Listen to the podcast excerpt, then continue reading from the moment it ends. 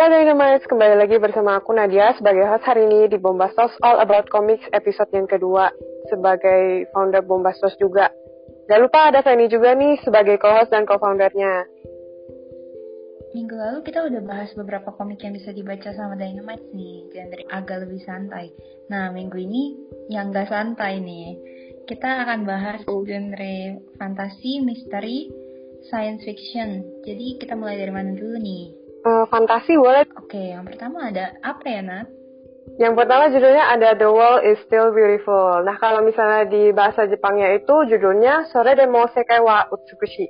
Sinopsisnya gimana sih? Ceritanya gimana? Jadi di kerajaan matahari, sinar matahari adalah bagian dari kehidupan masyarakatnya sehari-hari, dan hujan merupakan satu hal yang belum pernah terdengar oleh mereka. Namun di suatu tempat yang jauh bernama kerajaan hujan, cuacanya malah kebalik dan semua orang memiliki kemampuan untuk memanggil hujan dengan suara mereka. Livis Ifriqiya telah menaklukkan seluruh dunia dan memperluas pengaruh dari kerajaan matahari dalam waktu tiga tahun yang singkat sejak ia menjadi seorang raja. Ketika mendengar tentang kekuatan untuk menciptakan hujan, maka sang raja memutuskan untuk menikahi Nike Ramercier, salah satu putri dari kerajaan hujan. Namun orang-orang di luar kerajaan matahari telah menyebarkan rumor bahwa Livisius adalah seorang pemimpin yang jahat, kejam, dan diktator yang tiranikal. Karena berita tersebut ketahui oleh putrinya, maka dia mempersiapkan diri untuk hal yang terburuk itu. Namun ketika dia bertemu dengan tunangannya, Nike menemukan bahwa dia adalah seorang yang jauh berbeda daripada yang ada di ekspektasinya. Nah, kalau manga yang satu ini sih buat aku agak sedih ya. Aku udah pernah baca, uh, kayak si Livius ini ternyata umurnya cuma belasan terus lebih kecil daripada si Nike ternyata. Dan dia tuh bisa menaklukkan dunia. Berarti itu kayak menandakan bahwa dia tuh sangat tangguh. Terus strategis. Dalam artian tuh dia penuh kalkulasi gitu untuk semua hal. Ini tuh sebenarnya ada cerita backgroundnya tentang si Livius tapi biar gak spoiler kita nggak bakal bahas di sini. Nah dari judulnya aja tuh The World is Still Beautiful. Dan diceritakan dari sudut pandang Nike kayak walaupun Livius adalah seorang raja tapi dia udah gak punya harapan untuk hidup lagi. Terus uh, semua hal tuh bosen dunia itu nggak indah. Jadi pas aku baca yang episode awal-awal tuh kayak heran aja apa sih yang bikin seorang bocah gitu bisa punya pandangan bahwa dunia tuh suram banget? Nah makanya nih kayak ceritanya tentang perjalanan Nike untuk membantu Livius melihat dunia menjadi suatu tempat yang lebih indah.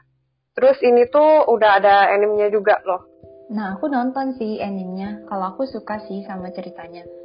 Soalnya ada komedinya, ada dramanya juga. Jadi ada beberapa scene yang bikin baper gitu. Kalau untuk karakternya sendiri, yang bikin menarik itu ada karakter yang berusaha ngancurin hubungan si Nike sama si Livi. Nah, kisah perjuangan pertahanin cinta mereka ini yang bikin menarik buat ditonton. Ditambah kualitas grafisnya juga bagus banget. Dimulai dari karakternya, pemandangannya, jadi bikin tambah seneng nontonnya. Soalnya kan masih ada manga yang grafisnya masih kasar banget kan. Iya iya, kalau manga tuh hitam putih, terus kalau anime ya pasti bagus lah kan udah berwarna hmm, gitu. Bener nih. Selanjutnya ada Akatsuki no Yona nih. Gimana sih sinopsisnya? Aku ceritain dulu ya sinopsisnya. Nah, pada zaman dahulu kala, kerajaan Koka diperintah oleh seekor naga merah dalam wujud manusia. Di sisinya ada empat prajurit yang dijiwai oleh darah naga yang dapat membantunya memimpin kerajaan menuju kemakmuran. Seiring waktunya berlalu, kisah ini menjadi legenda yang diceritakan kepada anak-anak. Sebagai putri tunggal Koka, Yona menjalani kehidupan yang mewah, jatuh cinta dengan sepupunya yang bernama Suwon, dan dilindungi oleh pengawalnya Son Hak.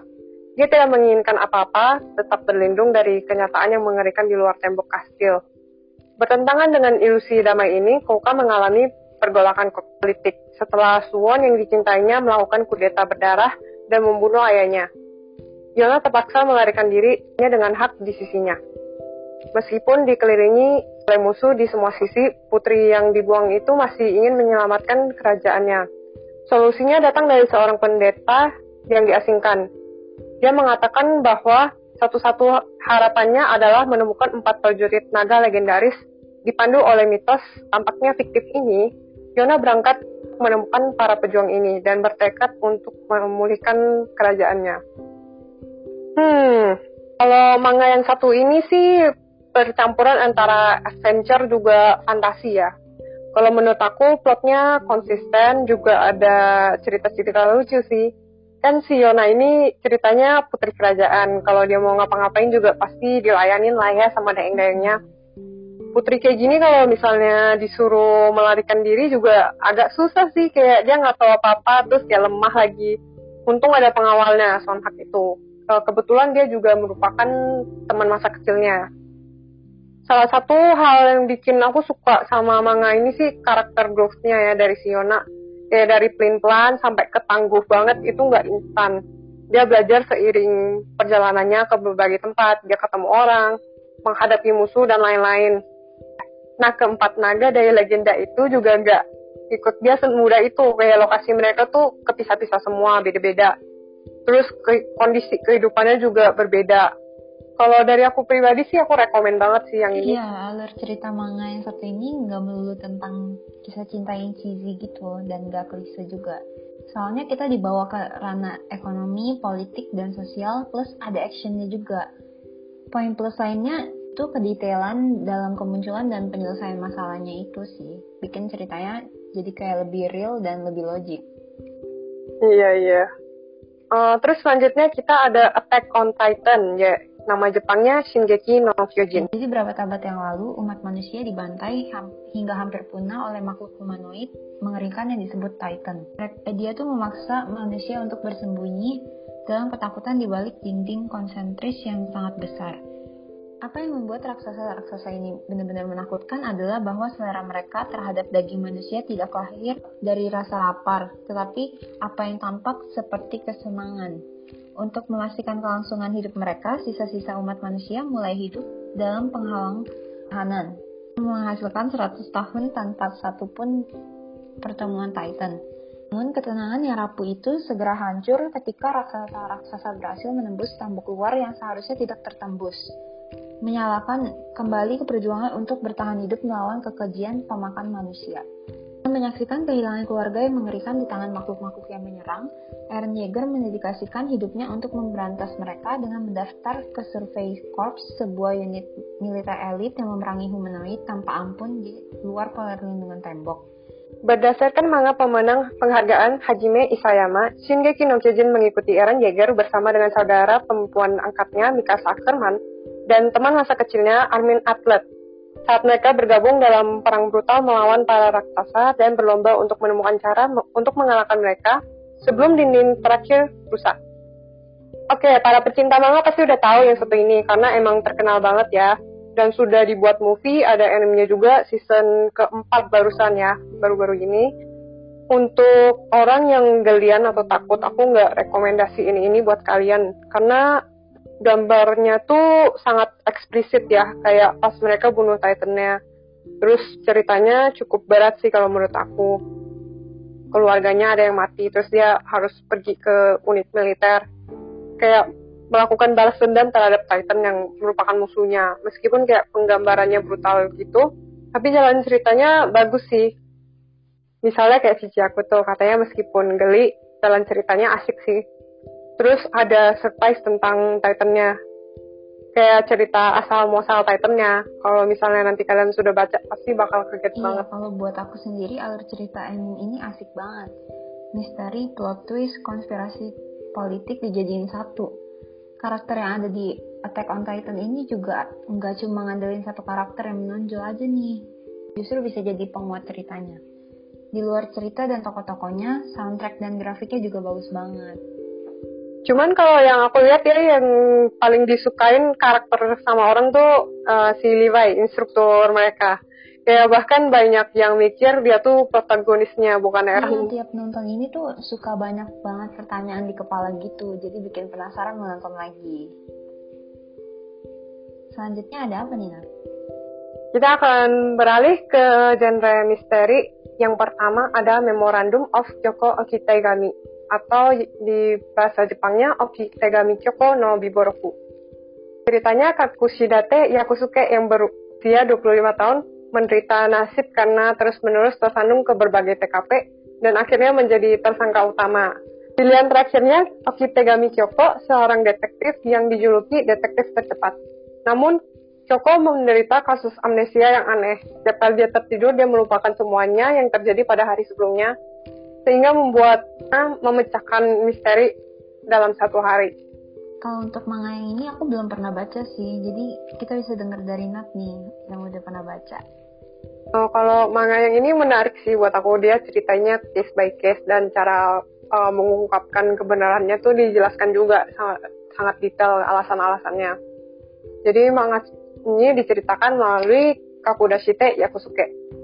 Okitegami Kyo tuh selalu amnesia kan kalau misalnya dia tidur. Dari sejauh yang aku baca sih belum ada penjelasan kenapa dia amnesia. Terus banyak orang juga cari dia untuk memecahkan kasus karena dia cepat. Terus rahasia mereka juga terlindungi karena dia bakal amnesia. Setiap kali bangun tuh dia cuma bisa inget namanya, terus kayak pekerjaan dia sebagai detektif. Jadi menurut kamu manga ini recommended untuk dibaca nggak ya? Aku rekomend sih karena meskipun misteri tapi ada kocaknya jadi nggak terlalu berat. Mereka kan mecahin kasus kayak nggak cuman sehari doang kadang-kadang. Jadi mereka pakai berbagai cara yang konyol kayak supaya Kyokonya ingat. Terus kan dia amnesia. Uh, terus detektif tuh kan biasanya nggak gampang percaya sama orang ya. Jadi tiap kali dia bakal sinis dulu ke Yakusuke-nya. Kayak siapa lu gitu. Selanjutnya langsung ke Panko Stray Dog nih. Jadi selama berminggu-minggu, panti asuhan Asushi Nakajima ini telah diganggu oleh harimau mistis yang cuma bisa dilihat sama dia nih. Diduga berada di insiden aneh itu, remaja berusia 18 tahun itu tiba-tiba diusir dari panti asuhan dan dibiarkan kelaparan, kehilangan tempat tinggal, dan berkeliaran di kota. Saat kelaparan di tepi sungai, Atsushi menyelamatkan seorang pria yang agak eksentrik bernama Osamu Dazai dari dari tenggelam. Jadi Osamu Dazai ini suka banget bunuh diri dan dia juga telah menyelidiki harimau yang di yang meneror bocah ini. Jadi bersama dengan partnernya si Dazai yang bernama Dopoku Nikida, mereka memecahkan misteri tersebut. Tetapi resolusinya membuat Atsushi berada dalam kesulitan. Saat berbagai peristiwa aneh terjadi, Atsushi dipaksa untuk bergabung dengan firma penyelidik supernatural mereka. Menangani kasus-kasus yang tidak biasa dan tidak dapat ditangani oleh polisi, sama dengan banyak rekan kerjanya yang penuh dengan teka-teki. Nah, kalau yang ini genrenya supranatural misteri. Bagi yang suka baca literatur, coba deh uh, banyak referensi literatur juga. Karak karakter di dalamnya dinamakan berdasarkan penulis atau karakter literatur yang terkenal. Contohnya kayak Mark Twain, Osamu Dazai, dan lain-lainnya. Pada dasarnya ini kayak ceritanya tentang agensi detektif dengan anggota yang memiliki kekuatan supranatural. Uh, dan biasanya kelakuannya aneh-aneh juga sih kayak tadi kan ada disebutin Osamu Dazai. Dia tuh suka bunuh diri hobinya. Tapi ya gak mati-mati. tadi kan aku juga udah bilang tentang ada referensi literatur kan. Salah satu yang aku inget tuh superpowernya ada yang The Great Gatsby ya jadi kekuatan dia itu sebanyak uang yang dia punya. Kalau lagi bokeh ya lemah, kalau berduit ya kuat dia. Ini animenya juga ada. Kalau si Penny kan susah kalau disuruh baca. Iya, Jadi nonton animenya dia. Agak panjang dan humornya agak hit and miss gitu sih. Tapi reaksi orang-orang terdekat aku yang nonton ini sih mayoritas pada suka. Mungkin buat yang belum nonton bisa coba nonton tiga episode dulu biar tahu suka atau enggak gitu. Kalau untuk gambarnya sendiri cukup bagus lah ada beberapa scene efek yang cukup keren dengan kualitas gambar yang tinggi juga. Selanjutnya kita pindah ke genre sci-fi atau action ya. Yang pertama ada Psychopath. Sinopsisnya gimana sih, Nat? Ya, jadi pada abad ke-22, Jepang memperlakukan sistem sibil cara objektif untuk menentukan ancaman setiap warga negara dengan memeriksa kondisi mental mereka untuk mencari tanda-tanda niat kriminal yang dikenal sebagai psikopas mereka. Para pengawas menegakkan hukum dengan menundukkan sering kali dengan kekuatan yang mematikan pada siapa pun yang memiliki niat untuk berbuat buruk sekecil apa pun. Di sisi lain ada enforcers yang diberikan kebebasan relatif sebagai imbalan untuk bukan pekerjaan kotor dari para inspektur. Akane Sunemori, seorang wanita muda dengan keinginan jujur untuk menegakkan keadilan.